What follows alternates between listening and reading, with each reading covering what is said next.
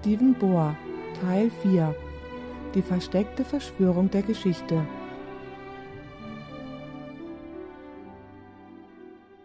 Lass uns beten. Vater im Himmel, wir danken dir noch einmal für das Vorrecht hier zu sein. Wenn wir nun dein heiliges Wort öffnen, bitten wir dich, uns die erstaunlichen Dinge aus dem Buch 1. Mose zu offenbaren. Wir bitten dich, wenn wir die versteckte Verschwörung der Geschichte studieren, dass dein Heiliger Geist uns hilft zu sehen, dass es eine Geschichte gibt, die hinter der Geschichte geschrieben ist. Und hilf uns zu verstehen, wie wir in dieses Bühnenbild mit hineinpassen. Wir danken dir, Herr, dass du unser Gebet hörst, denn wir bitten dies im Namen Jesu. Amen. Ich möchte damit beginnen, dass ich sage, dass ich nicht sehr an Verschwörungstheorien glaube. Hin und wieder geben mir Leute Videos und DVDs von Leuten, die diese Verschwörungstheorien haben. Zum Beispiel, was am 11.09.2001 passiert ist und die Vorstellung, dass es gar kein Flugzeug war, das in das Pentagon gekracht ist. Und auch, dass in Wirklichkeit die Zwillingstürme Dynamit innen drin hatten und implodiert sind. Ehrlich gesagt, bin ich von solchen Verschwörungstheorien nicht besonders angetan. Aber ich kann euch eines sagen, und wir werden das in diesem Vortrag studieren. Es gibt eine Verschwörungstheorie hinter den Ereignissen der menschlichen Geschichte, und ich möchte das die Mutter aller Verschwörung nennen. Wir werden nun diese Verschwörung studieren, die in der unsichtbaren Welt stattfindet, wo wir die Abläufe, die vonstatten gehen, nicht sehen können. Das Einzige, was wir sehen können, sind die Auswirkungen auf die sichtbare Welt. Wir wollen in unserem Studium mit dem Buch Hiob beginnen. Grundlegend muss ich euch ein paar Dinge über Hiob erzählen, bevor wir Kapitel 1, Vers 12 lesen. Es gab eine Versammlung, die im Himmel stattgefunden hat. Diese Versammlung wird ganz deutlich in Hiob Kapitel 1 beschrieben. Und derjenige, der den Planeten Erde vertreten hat, war Satan der an dieser Versammlung teilnahm. Und der Gegenstand dieser himmlischen Versammlung war das Gespräch über Hiob, den die Bibel als einen vollkommenen Mann beschreibt, der sich vom Bösen abgewandt hat, ein gerechter Mann. Und die Unterredung richtete sich auf diesen Mann, der in Einklang mit Gottes Willen stand. Und eigentlich hat Satan Gott beschuldigt, indem er sagte Der Grund, warum Hiob dir dient und so gerecht, heilig und vollkommen ist, weil du mir nicht erlaubt hast, ihn anzurühren. Wenn du mir erlaubst, ihm das wegzunehmen, das du ihm gegeben hast, dann wird er dir in dein Angesicht lästern. Und in Hiob 1 finden wir die Erfahrung über das, was Gott zu Satan in dieser Versammlung gesagt hat.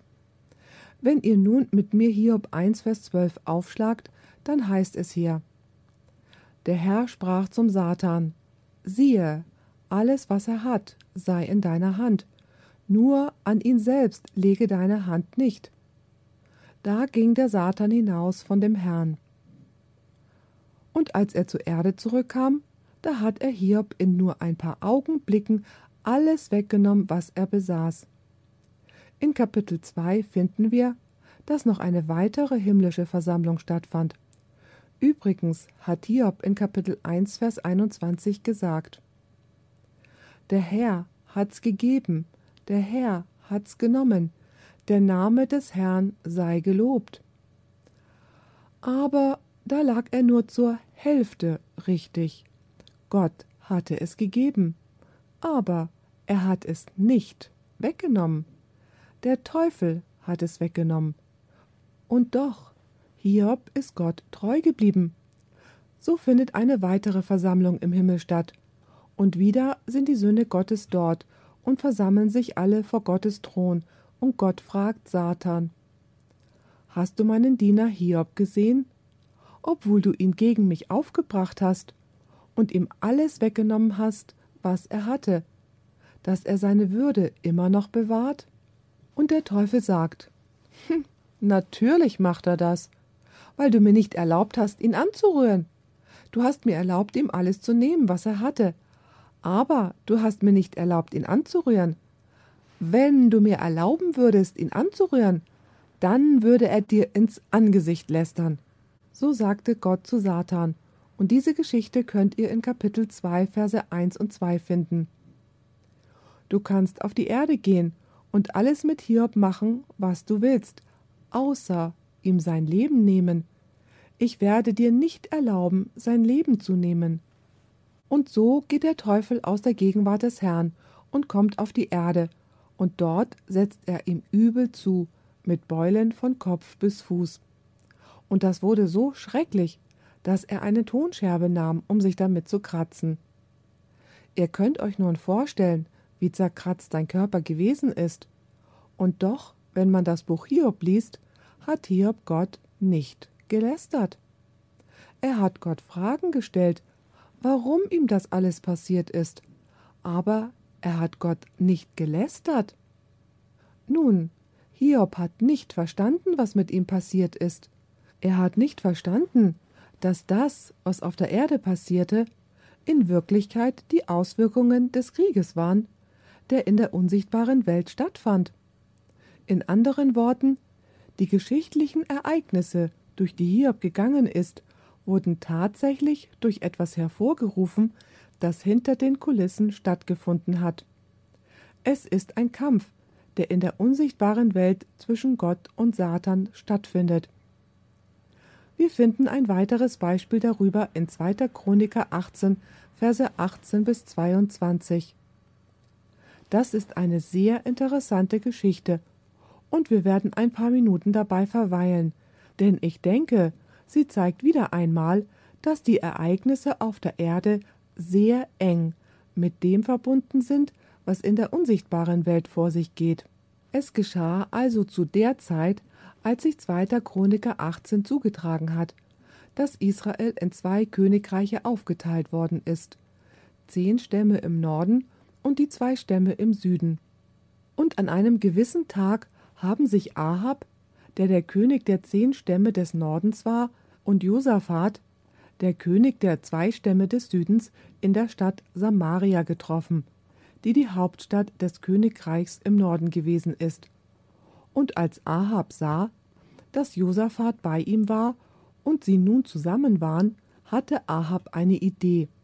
Er sagte, dass es eine goldene Gelegenheit wäre, sich zusammenzutun, um gegen den gemeinsamen Feind, die Syrer, zu kämpfen, weil sie immer stärker wurden.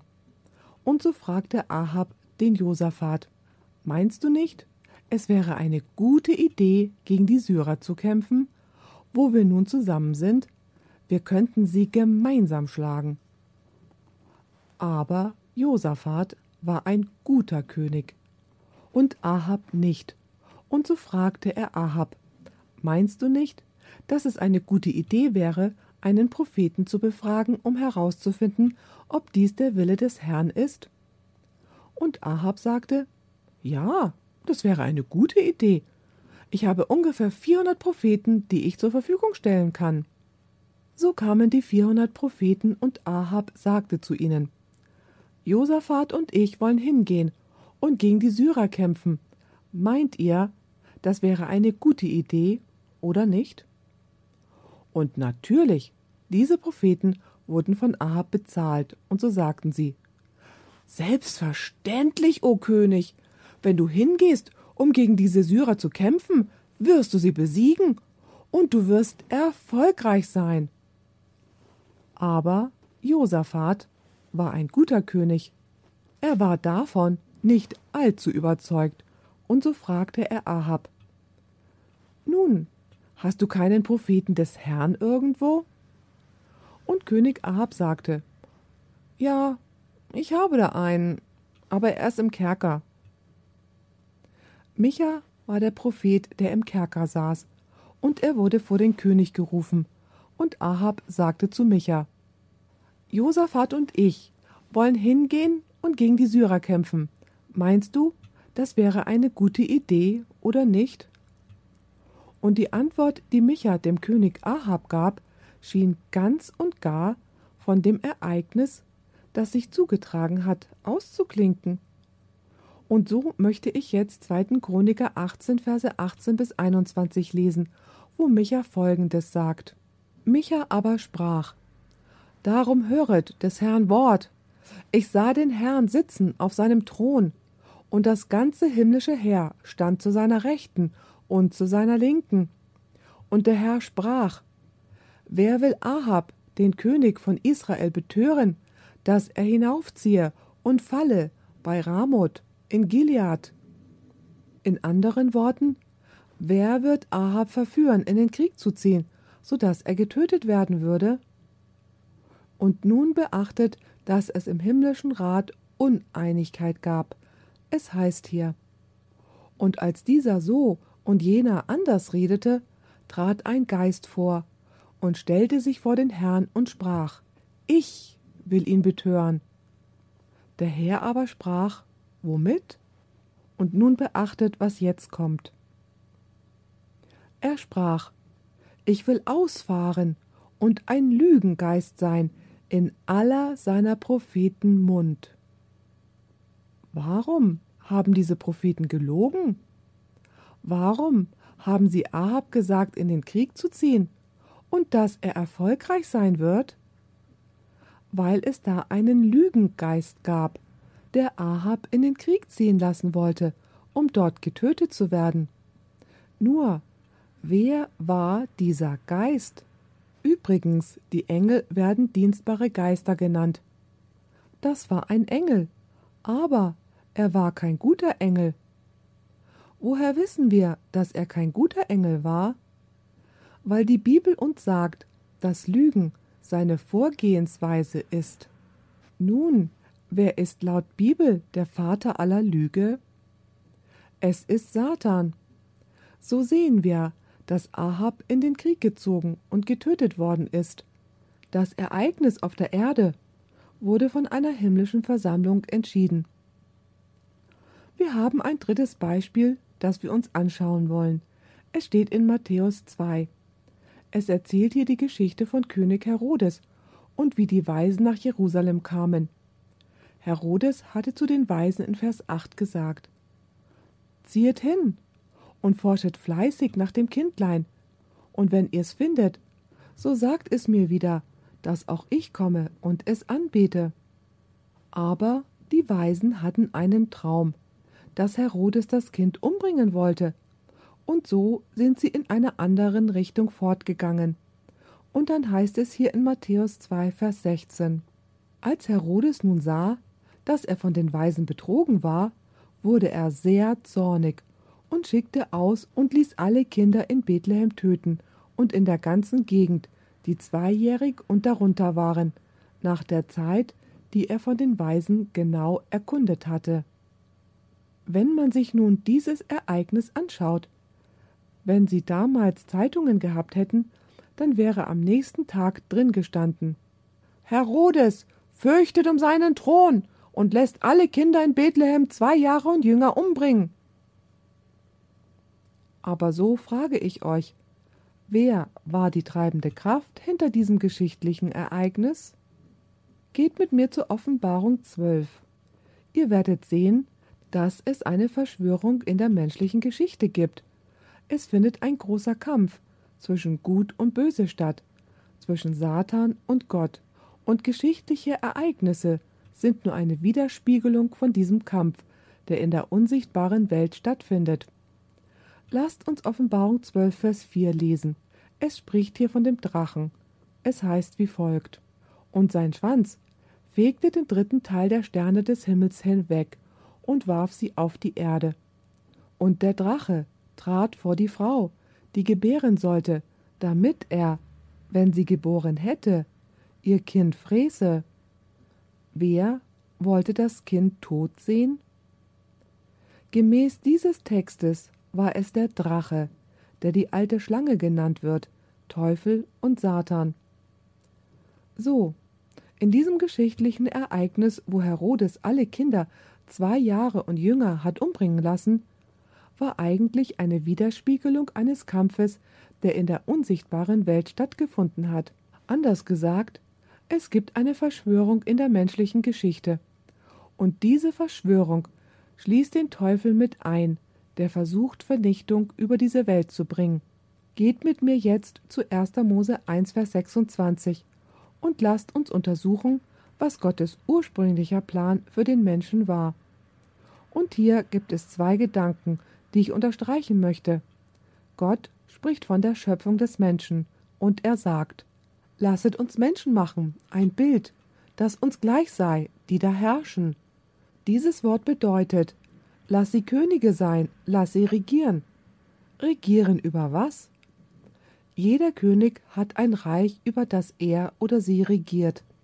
Die da herrschen über die Fische im Meer und über die Vögel unter dem Himmel und über das Vieh und über alle Tiere des Feldes und über alles Gewürm, das auf Erden kriecht.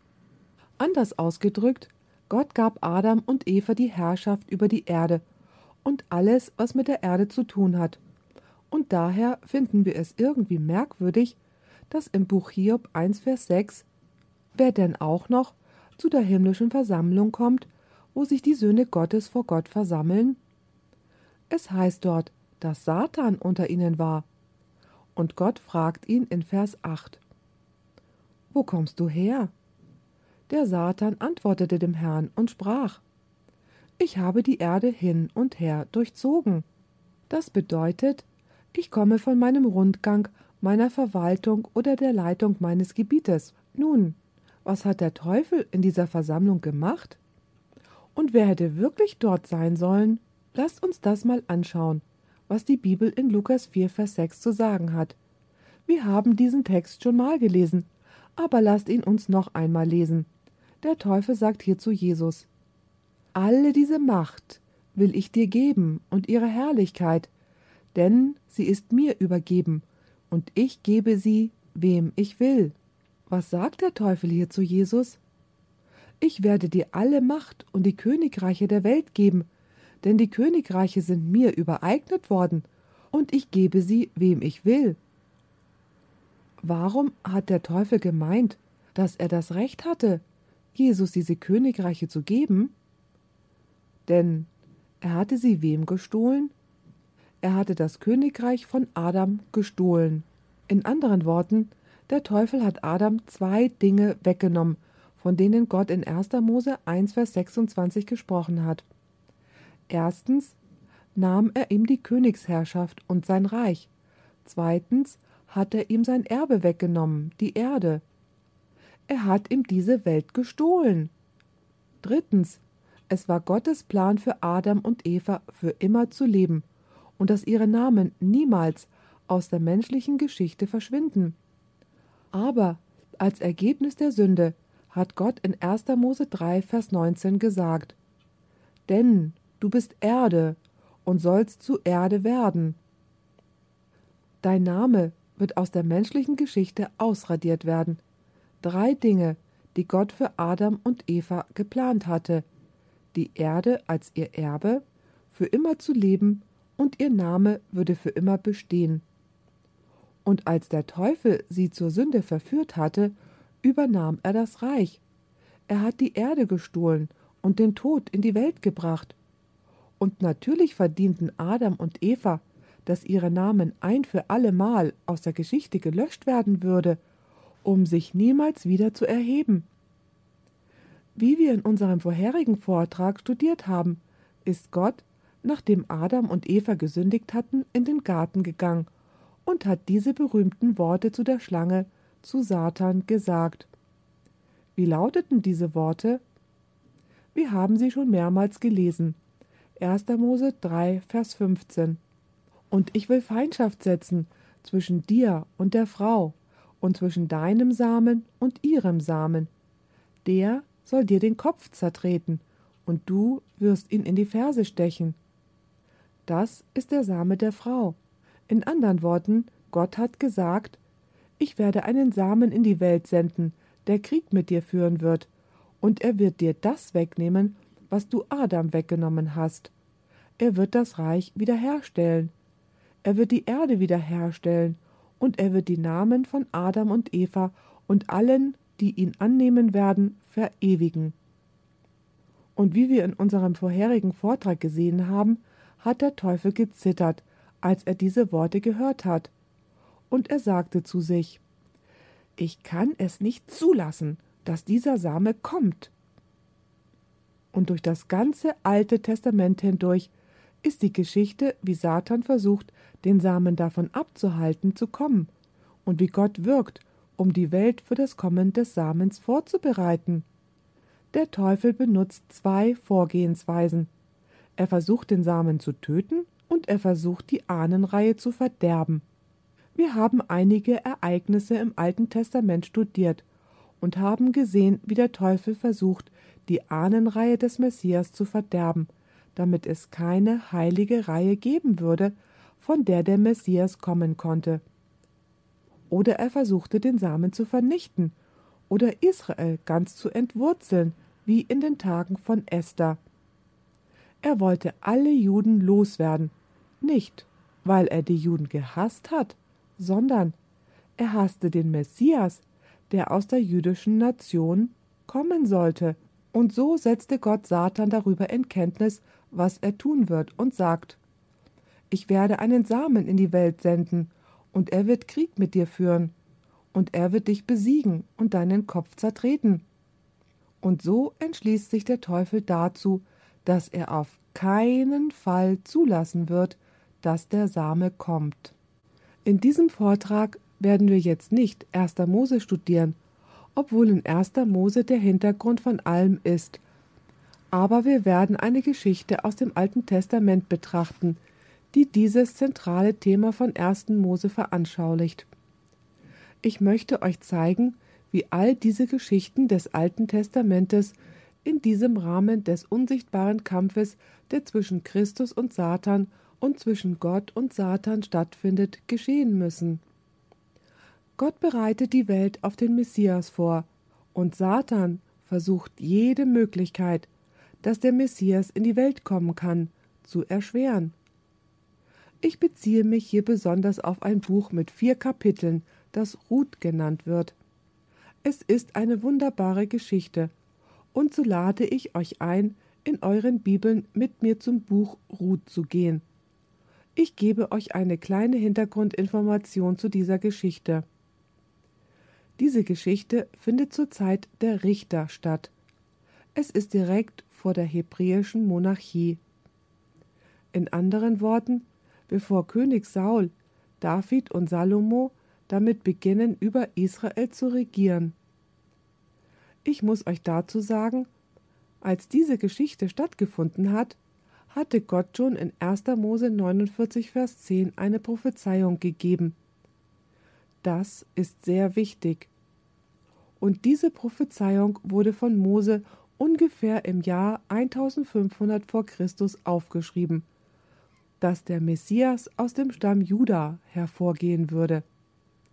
Dies war also zu diesem Zeitpunkt bekannt, weil Gott ja gesagt hatte, es wird das Zepter von Juda nicht weichen, noch der Stab des Herrschers von seinen Füßen, bis dass der Held komme, und ihm werden die Völker anhangen.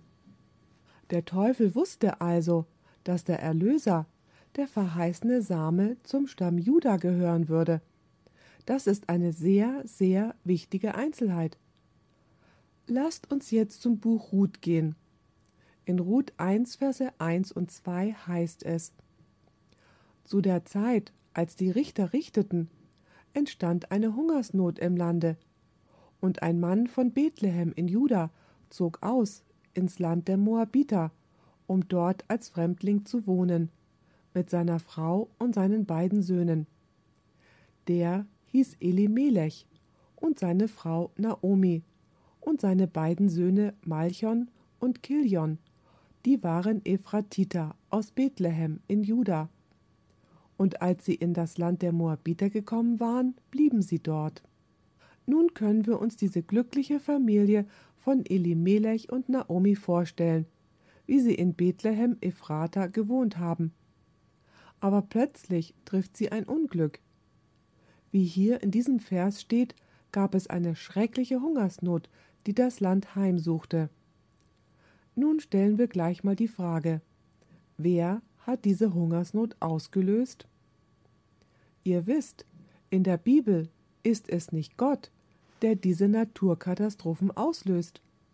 Das Buch Hiob zeigt uns, dass diese Katastrophen durch wen ausgelöst werden? Sie werden von Gott zugelassen, aber sie werden von Satan verursacht. So muss also diese Hungersnot von Satan aus einem bestimmten Grund verursacht worden sein. Und wir müssen nicht raten, denn uns wird ja in den Versen, die wir gerade gelesen haben, mitgeteilt, dass als Ergebnis der Hungersnot Elimelech, seine Frau Naomi und ihre zwei Söhne nach Moab ausgewandert sind.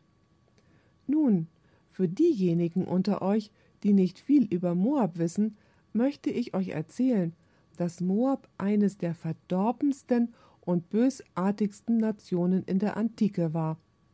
Moab ging aus den Tagen Lots hervor, als Ergebnis einer Inzestbeziehung zwischen Lot und einer seiner Töchter. Als Israel kurz davor stand, in das verheißene Land einzugehen, sind die Männer von Israel von den Huren Moabs dazu verführt worden, unbekannte Götter anzubeten und Ehebruch und Unzucht zu treiben. Als Ergebnis dieser Sünde starben 23.000 Mann der Besten von Israel. Es war eine verdorbene Nation, gerade mal im Osten vor Israel. Nun stellt sich die Frage, warum wollte Satan, dass die Familie von Emilemech, der aus dem Stamm Juda war, dass sie nach Moab auswandern, der so ein bösartiger Ort war? Lasst mich euch noch eine weitere Geschichte erzählen, die mit dem übereinstimmt, was wir in der Bibel finden und die uns den Grund dafür zeigt. Es ist die Geschichte von Josef. Erinnert ihr euch? Wir haben die Geschichte von Josef studiert. Also, wenn jemand ungerecht behandelt wurde, dann war es gewiss Josef. Ich meine, er war ein guter Junge. Ihr habt die Geschichte gelesen. Er war kein schlechter Kerl. Verglichen mit seinen Brüdern stand er seinem Vater sehr nahe. Sein Vater hat ihn seinen anderen Brüdern vorgezogen, aber er war ein guter Junge.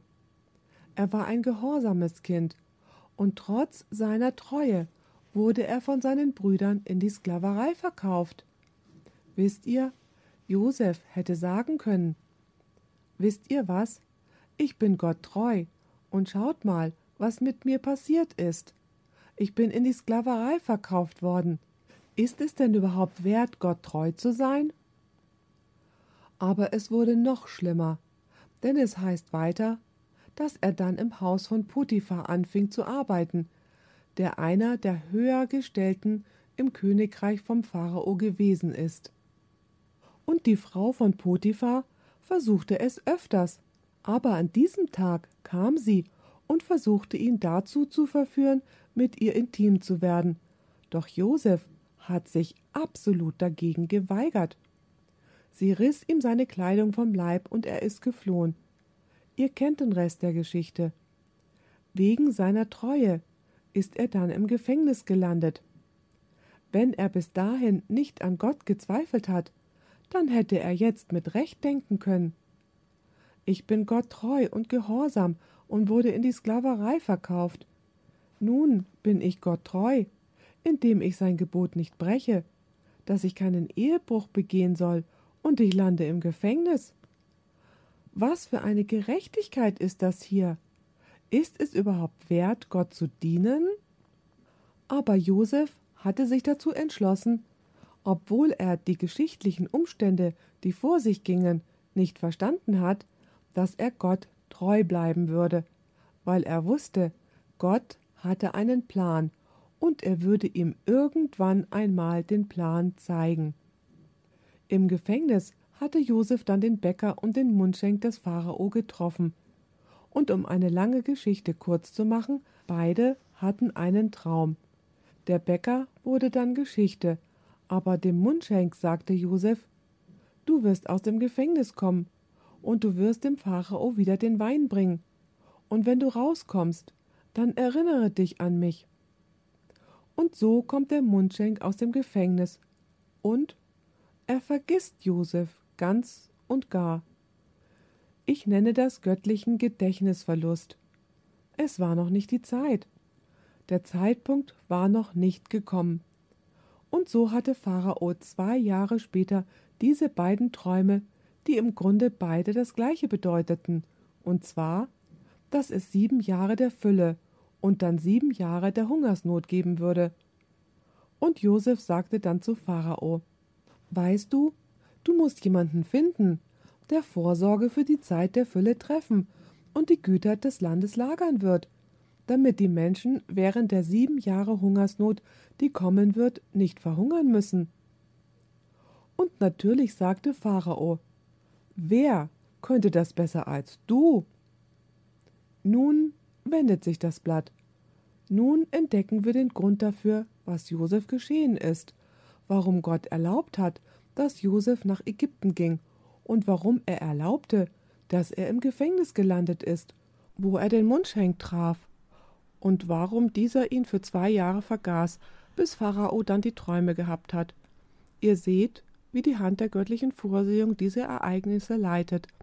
Und dann natürlich, aber ich kann nicht die ganze Geschichte erzählen, denn wir wollen noch das Buch Ruth betrachten.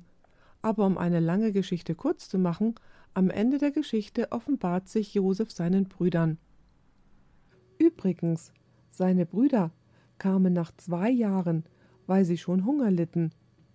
Könnt ihr euch vorstellen, wie es wohl sieben Jahre nach Beginn der Hungersnot gewesen sein mag? Was wäre mit Jakob und seiner Familie passiert? Sie wären ausgelöscht worden. Was meint ihr? Wer sie auslöschen wollte? Satan wollte es. Und warum? Weil Satan wusste, dass der Same von Jakob kommen würde. Und wie wir das letzte Mal in unserem Studium im 1. Mose 45, Verse 7 und 8 gelesen haben, sagte Josef zu seinen Brüdern: Aber Gott hat mich vor euch hergesandt, dass er euch übrig lasse auf Erden und euer Leben erhalte zu einer großen Errettung. Und nun, ihr habt mich nicht hergesandt, sondern Gott, der hat mich dem Pharao zum Vater gesetzt und zum Herrn über sein ganzes Haus und zum Herrscher über ganz Ägyptenland. Und so hatte die Hungersnot einen Grund, und der war, Jakob und seine Familie zu Tode zu hungern. Aber Gott kannte das Ende vom Anfang, und so sandte er Josef nach Ägypten, damit der Same bewahrt werden würde. Das gleiche geschah in der Geschichte mit Ruth. Der Teufel sagte sich Nun, Elimelech und Naomi und ihre zwei Söhne sind vom Stamm Juda. Offensichtlich sah er etwas Besonderes in dieser Familie. Wenn ich sie nach Moab sende, dann werden sie durch die Moabiter verdorben, und ich muss mir keine Sorge mehr um sie machen, dass sie den Samen in die Welt bringen würden. Aber wisst ihr, der Plan ging besser auf, als sich der Teufel das gewünscht hatte, denn wie wir im Buch Ruth Kapitel 1 sehen, wird uns gesagt, dass Elimelech gestorben ist, während er in Moab war. So sagte sich der Teufel. Das mit Elimelech hat sich damit erledigt.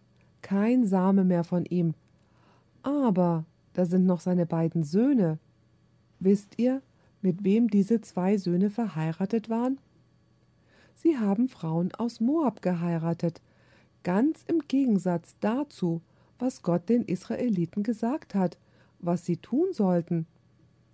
Was meint ihr, wer sie dazu verführt hat, Frauen aus Moab zu heiraten? Ihr seht, wir haben es mit der Verschwörung hinter den Kulissen zu tun. Es gibt da einen Schlachtplan, der hinter den Kulissen dieser Geschichte vor sich geht. Wir müssen diese Geschichte mit erleuchteten Augen betrachten, im Licht von 1. Mose 3, Vers 15. Der Teufel versucht den Samen davon abzuhalten, dass er kommt. Er sagt sich, wenn ich diese zwei Söhne dazu bringen kann, diese Frauen aus Moab zu heiraten, dann werden sie ihre Identität verlieren. Aber der Plan hat besser für den Teufel funktioniert, als er sich das dachte, denn uns wird folgendes in Ruth 1, Vers 4 gesagt. Die nahmen moabitische Frauen, die eine hieß Orpa, die andere Ruth. Und als sie ungefähr zehn Jahre dort gewohnt hatten, starben auch die beiden, Machlon und Kilion, so dass die Frau beide Söhne und ihren Mann überlebte. Somit sagt sich der Teufel, die Erben sind ausgelöscht. Der Same ist aus dieser Familie ausgelöscht worden. Es wird kein Same mehr von dort kommen, weil Elimelech und seine zwei Söhne tot sind. Mission erfüllt. Aber Gott schreibt diese Geschichte. Er wirkt im Hintergrund, um den Samen in die Welt zu bringen. In Vers 6 heißt es dann, Da machte sie sich auf mit ihren beiden Schwiegertöchtern und zog aus dem Land der Moabiter wieder zurück, denn sie hatte erfahren im Moabiterland, dass der Herr sich seines Volks angenommen und ihnen Brot gegeben hatte. In anderen Worten sagt sie zu ihren Schwiegertöchtern Ich gehe nach Juda zurück, nach Bethlehem, woher ich komme, denn ich habe erfahren, dass es dort Brot gibt. Es gibt keinen Grund für mich, hier zu bleiben. Mein Mann ist tot, und ebenso meine Söhne. Der Herr hat gegen mich gewirkt. Ich gehe zurück, auch wenn ich kein Erbe habe, auch wenn ich keinen Platz dort zu leben habe, auch wenn ich niemanden habe, der den Familiennamen weiterträgt. Ich werde trotzdem nach Bethlehem Ephrata zurückgehen, nach Juda. Und so nimmt sie ihre beiden Schwiegertöchter und überbringt ihnen diese Nachricht. Übrigens, sagt Orpa, ich gehe zurück zu meinem Volk und zu meinen Göttern. Aber Ruth war anders. Lasst uns nun Ruth 1, Verse 16 und 17 lesen. Es heißt hier: Ruth antwortete: Rede mir nicht ein, dass ich dich verlassen und von dir umkehren sollte. Wo du hingehst, da will ich auch hingehen. Wo du bleibst, da bleibe ich auch. Nun beachtet Folgendes, das ist sehr wichtig. Dein Volk ist mein Volk und dein Gott ist mein Gott. Anders ausgedrückt sagt sie, ich aberkenne meine bürgerlichen Ehrenrechte einer Moabitin und ich werde mich in die Ahnenreihe von Israel einfügen. Sie wird durch ihren eigenen Eintritt zu Israeliten. Und dann sagt sie in Vers 17, wo du stirbst, da sterbe ich auch. Da will ich auch begraben werden. Der Herr tue mir dies und das, nur der Tod wird dich und mich scheiden. Nun finde ich es sehr interessant, dass Gott Naomi ganz bis Moab geführt hat. Der Teufel hatte sich gedacht, dass er so den Samen verderben und der verheißene Same dann nicht kommen könnte. Aber als sie von Moab weggehen, nimmt Gott diese moabitische Frau, Ruth, und bringt sie nach Bethlehem Ephrata. Das ist ein sehr, sehr wichtiges Ereignis, wie wir später in der Geschichte noch sehen werden. Nun kommen sie zusammen, Ruth und Naomi, und gehen nach Bethlehem. Und als sie dann dort ankommen, sind die Leute ganz aufgeregt, weil Naomi so lange weg gewesen ist. Lasst uns das in den Versen 19 und 20 lesen. Es heißt hier: So gingen die beiden miteinander, bis sie nach Bethlehem kamen. Und als sie nach Bethlehem hineinkamen, erregte sich die ganze Stadt über sie, und die Frauen sprachen: Ist das die Naomi? Sie aber sprach zu ihnen: Nennt mich nicht Naomi. Denn der Name Naomi bedeutet angenehm oder erfreulich sondern Mara, was bitter bedeutet. Denn der Allmächtige hat mir viel Bitteres angetan.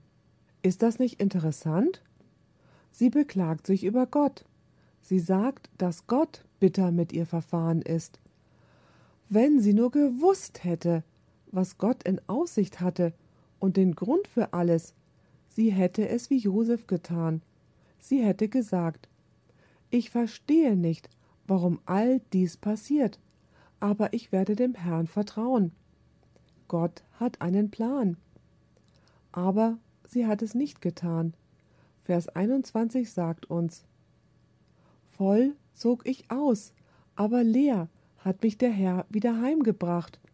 Warum nennt ihr mich denn Naomi, da doch der Herr gegen mich gesprochen und der Allmächtige mich betrübt hat?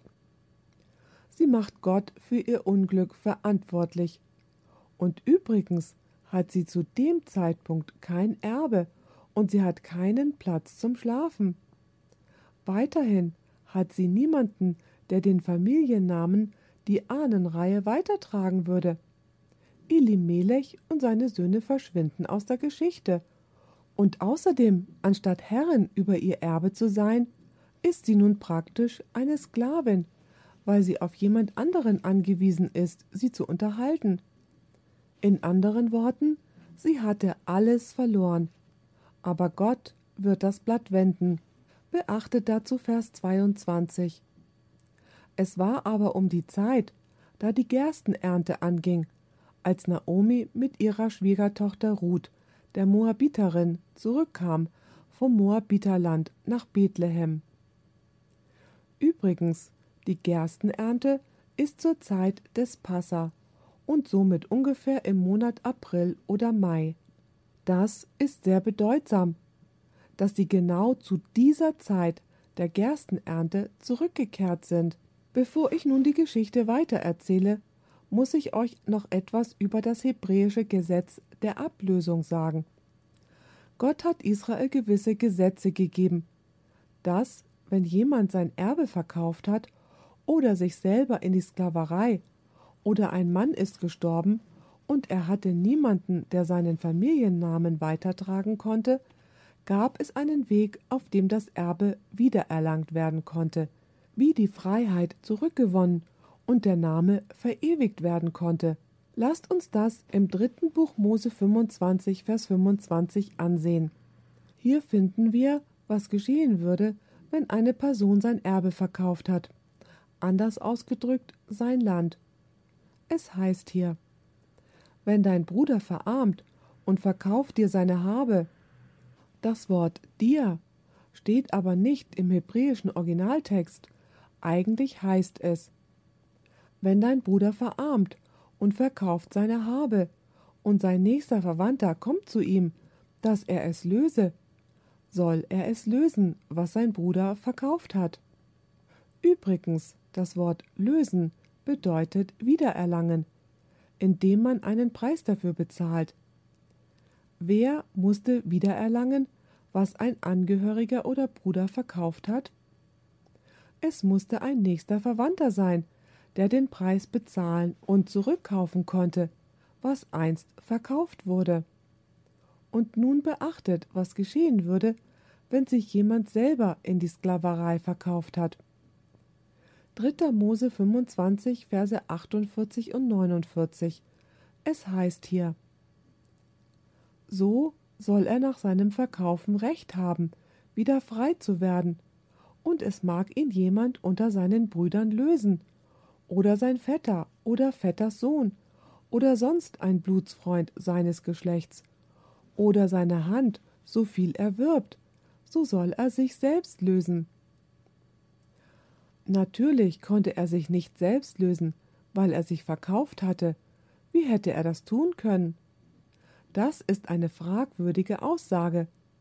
Aber habt ihr gesehen, um ein verlorenes Erbe lösen zu können, und damit aus der Sklaverei erlöst zu werden, aus der Dienerschaft, musste ein nächster Verwandter den Preis bezahlen, um die Freiheit zurückzukaufen und das verlorene Erbe zurückzuerhalten. Und in 5. Mose 25, Vers 5 geht es um die Witwe.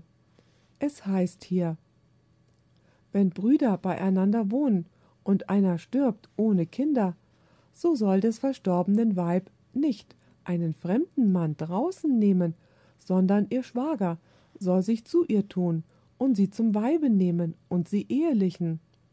Wenn also eine Ehefrau einen Mann ohne Nachkommen hatte, um den Familiennamen weiterzutragen, dann musste der Bruder des verstorbenen Ehemannes oder ein naher Verwandter die Frau heiraten, die ohne Mann geblieben ist, damit der Familienname und der Familiensame weitergetragen werden konnte.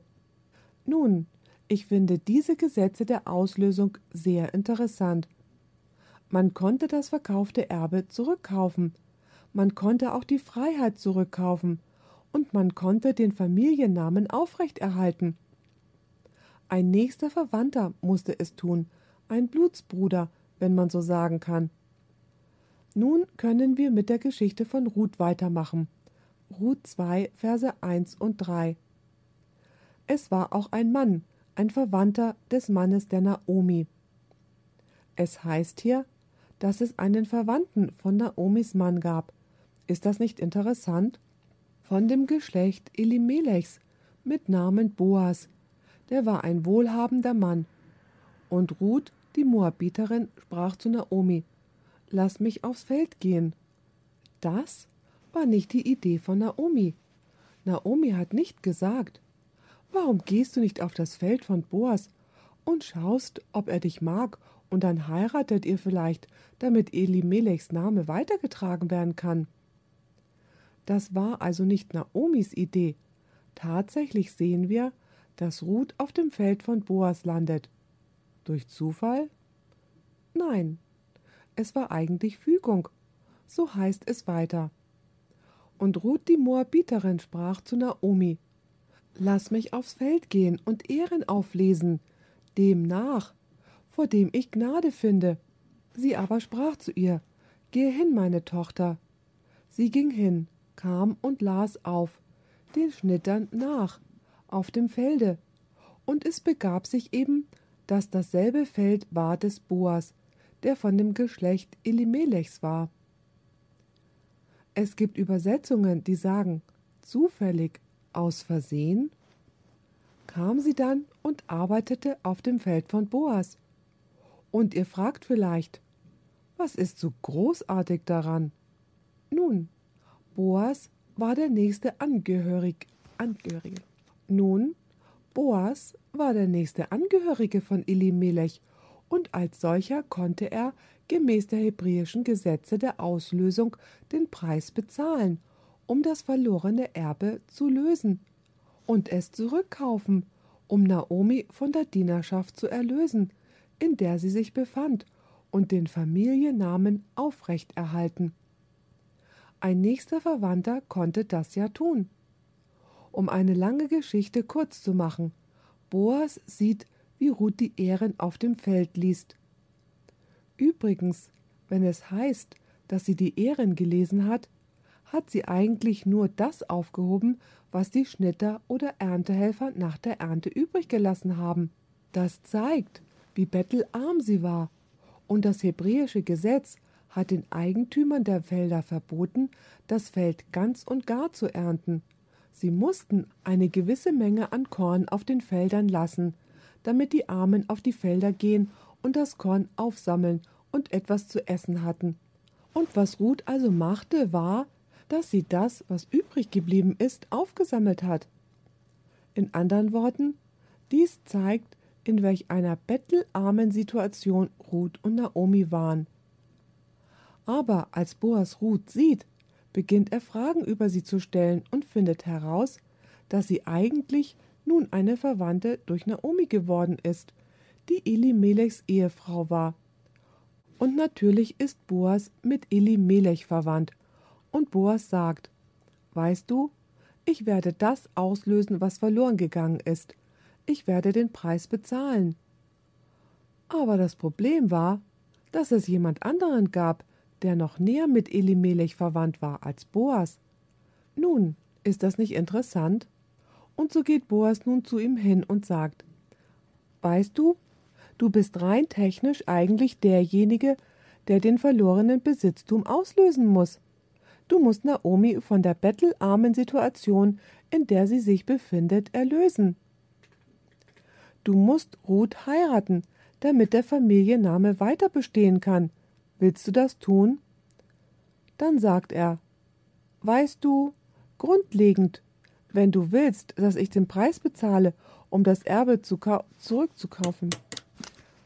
Um das Erbe zurückzukaufen, und wenn du willst, dass ich sie aus ihrer bettelarmen Situation befreie, das wäre in Ordnung. Ich bin gewillt, den Preis zu bezahlen. Aber wenn ich Ruth heiraten soll, nein, ich denke nicht. Ihm gefiel die Idee, sie zu heiraten, nicht, denn es war nicht der richtige Mann. Jemand anderes war es. Es war Boas, und so fand die Heirat statt. Lasst uns das in Ruth 4, Verse 9 und 10 lesen. Ihr solltet die ganze Geschichte lesen. Es ist eine faszinierende Geschichte. Es heißt hier in Vers 9: Und Boas sprach zu den Ältesten und zu allem Volk: Ihr seid heute Zeugen, dass ich alles gekauft habe, was dem Elimelech und alles, was Kilion und Malon gehört hat, von der Hand Naomis, dazu auch Ruth, die Moabitin, Malons Weib, habe ich mir erworben zum Weibe, dass ich dem Verstorbenen einen Namen erwecke auf sein Erbteil und sein Name nicht ausgerottet werde unter seinen Brüdern und aus dem Tor seines Orts. Zeugen seid ihr des heute. In anderen Worten sagt er, ich kaufe das verloren gegangene Erbe wieder zurück. Ich werde Naomi wieder in die Position der Herrschaft über ihr Erbe setzen und werde den Namen von Elimelech aufrechterhalten, damit er nicht aus der Geschichte ausgelöscht wird. Aber wisst ihr, es gab da viel mehr, als das bloße Auge sehen kann. Nun, Boas hat nur das eingeschränkte Bild betrachtet, das er in diesem Moment gesehen hat. Aber da ist noch viel mehr zu dieser Geschichte. Wir wissen nicht, wohin das alles führt, bis wir ganz zum Ende dessen kommen. Lasst uns nun zu Vers 13 gehen und dort weiterlesen. Es heißt hier: Also nahm Boas die Ruth, dass sie sein Weib ward, und da er zu ihr einging, gab ihr der Herr, dass sie schwanger ward und gebar einen Sohn. Da sprachen die Weiber zu Naomi: Gelobt sei der Herr, der dir nicht hat lassen abgehen einen Erben zu dieser Zeit, dass sein Name in Israel bliebe.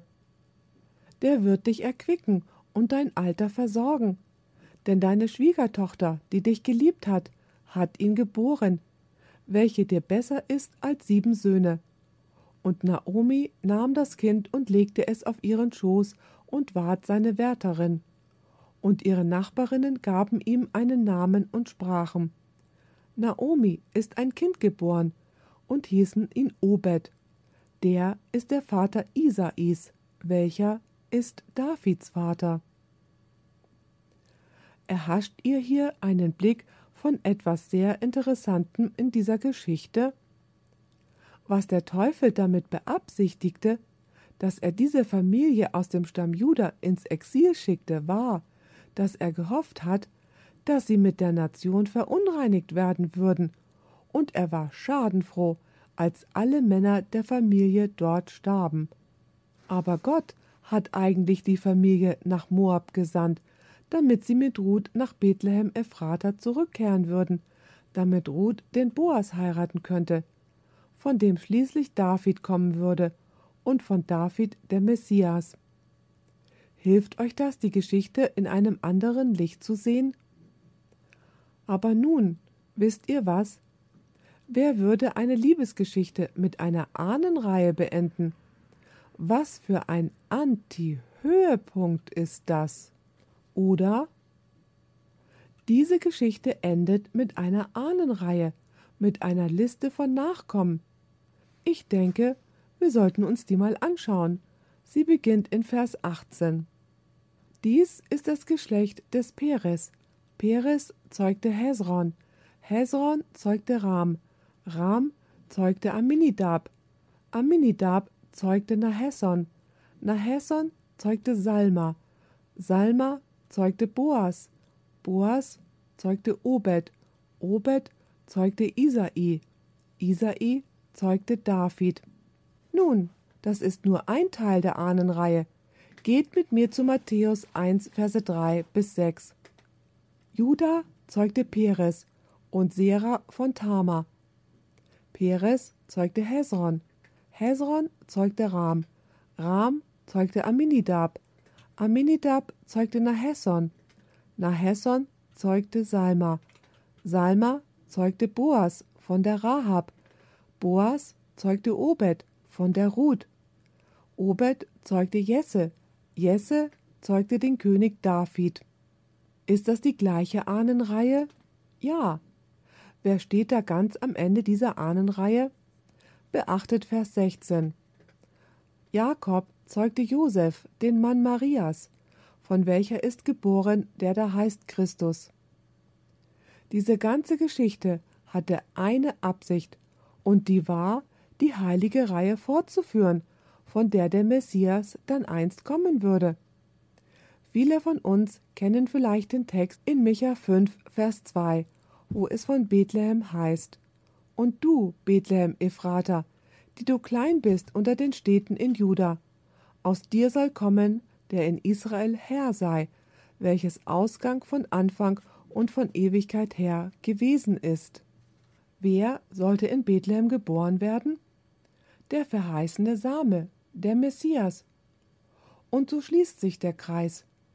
Elimelech und seine Familie gehen nach Moab, und Naomi bringt Ruth zurück nach Bethlehem, und schließlich wird Jesus der Messias in Bethlehem geboren. Nun möchte ich zum Abschluss noch etwas über Christus sagen. Wusstet ihr, dass niemand in der menschlichen Rasse das auslösen kann, was verloren gegangen ist, weil alle gesündigt haben und der Herrlichkeit Gottes mangeln? Und wie uns in Römer 3, Vers 10 gesagt wird, da ist nicht, der gerecht sei, auch nicht einer. Und so gab es niemanden, der das verloren gegangene Erbe auslösen konnte. Es gab niemanden, der die Menschheit von der Sklaverei befreien konnte, und es gab niemanden, der den Namen des Volkes Gottes aufrechterhalten konnte oder Gottes Volk verewigen konnte, denn jeder Mensch ist von Satan besiegt worden. Die menschliche Rasse brauchte einen Erlöser, sie brauchte einen nahen Verwandten, um den verloren gegangenen Besitz wiederherzustellen und das verlorene Erbe auszulösen, um sein Volk von der Gefangenschaft zu befreien und nicht nur ihren Namen, sondern sie zu verewigen, obwohl sie sterben würden, durch die Auferstehung von den Toten. Die menschliche Rasse brauchte jemand, der diese Rolle erfüllen würde. Wusstet ihr, dass Jesus, bevor er Mensch wurde, diese Rolle nicht erfüllen konnte? Denn bevor Jesus Mensch wurde, war er Gott. Er gehörte einer anderen Familie an. Und das ist der wahre Grund, warum Jesus menschliches Fleisch angenommen hat, wie es in Johannes 1, Vers 14 heißt. Und das Wort ward Fleisch und wohnte unter uns, und wir sahen seine Herrlichkeit, eine Herrlichkeit als des eingeborenen Sohnes vom Vater, voller Gnade und Wahrheit. Anders ausgedrückt, Jesus wurde unser Blutsbruder. Er wurde zu unserem nächsten Verwandten, damit er die hebräischen Gesetze der Erlösung erfüllen konnte, damit Jesus uns von der Sklaverei der Sünde befreien konnte, in die wir uns selber verkauft haben, damit er nicht unseren Namen, sondern uns für immer und ewig aufrecht erhalten konnte. Jesus kam, um das zu verrichten. Wusstet ihr, dass das Interessante ist, und das werden wir in unserem nächsten Vortrag studieren, dass die Bibel in Offenbarung 22, Vers 16 sagt, dass Jesus der Vater und auch gleichzeitig der Sohn von David ist? Versucht das mal zu erklären. Frage. Kann ich der Vater meines Vaters sein und ebenso der Sohn meines Vaters? Das ist absurd. Aber Jesus wird in der Schrift die Wurzel Davids und der Nachkomme Davids genannt. Es heißt also, und Jesus sagt von sich selber, ich bin die Wurzel und der Spross Davids, der leuchtende Morgenstern. Er ist die Wurzel oder der Vater von David, weil er als Gott David erschaffen hat. Er hat Adam erschaffen und David kommt von Adam und Jesus ist der Sohn von David, nachdem er sich selber in die menschliche Rasse eingefügt hat. Und im Übrigen heißt es deswegen in Hebräer 2, Verse 14 und 15. Nachdem nun die Kinder Fleisch und Blut haben, ist er dessen gleichermaßen teilhaftig geworden, auf dass er durch den Tod die Macht nehme dem, der des Todes Gewalt hatte, das ist dem Teufel, und erlöste die, so durch Furcht des Todes im ganzen Leben Knechte sein mussten. Wozu kam Jesus? Was wollte er tun? Er kam, um sein Volk von der Knechtschaft Satans und des Bösen zu befreien. Nun, das ist etwas Wunderbares. Der Einzige, der es wirklich verdient, Sohn Gottes genannt zu werden, ist Jesus. Gemäß der Bibel sind wir Kinder des Zorns. Aber wisst ihr, was passiert? Wenn ich Jesus als meinen Heiland annehme, dann ist Jesus mein Bruder. Und so geht Jesus zu seinem Vater und er sagt Vater, ich habe einen neuen Bruder, für den ich das Erbe zurückgekauft habe. Ich möchte seinen Namen verewigen. Ich habe ihn von der Sklaverei der Sünde befreit. Ich habe einen neuen Bruder, Vater. Und der Vater fragt, wie heißt er denn? Oh, es ist Pastor Bohr. Und der Vater schaut Jesus an und fragt ihn, ist Pastor Bohr dein Bruder? Nun, wenn er dein Bruder ist, dann ist er auch mein Sohn. Indem Jesus Mensch wurde, hat Jesus den Preis dafür bezahlt, um alles auszulösen, was verloren gegangen war. Was der Teufel versuchte, um den Plan Gottes in den Tagen von Ruth entgleisen zu lassen, benutzte Gott schließlich dafür, um den Samen in die Welt zu bringen. Und in Offenbarung 21, Vers 7 heißt es, Wer überwindet, der wird alles ererben und ich werde sein Gott sein, und er wird mein Sohn sein. Diese Aufnahme wurde von Audioverse präsentiert, eine Internetseite, die sich der Verbreitung des Wortes Gottes unter anderem durch kostenlose Predigtaufnahmen widmet. Für mehr Informationen über Audioverse und für weitere Predigten empfehlen wir unsere Internetseite www.audioverse.org.